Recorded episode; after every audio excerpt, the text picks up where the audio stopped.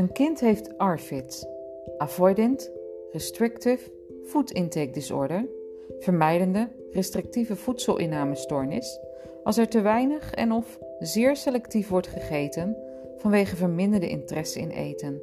gevoeligheid voor de sensorische kenmerken van eten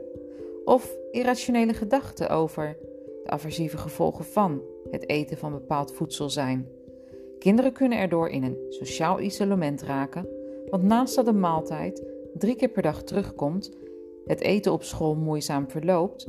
tractaties moeten worden afgeslagen en vakanties met voor hen onbekend eten problematisch zijn, durft een kind ook niet meer deel te nemen aan activiteiten zoals kinderfeestjes, logeerpartijtjes en een schoolkamp. Het onderzoek naar deze stoornis is nog in volle gang.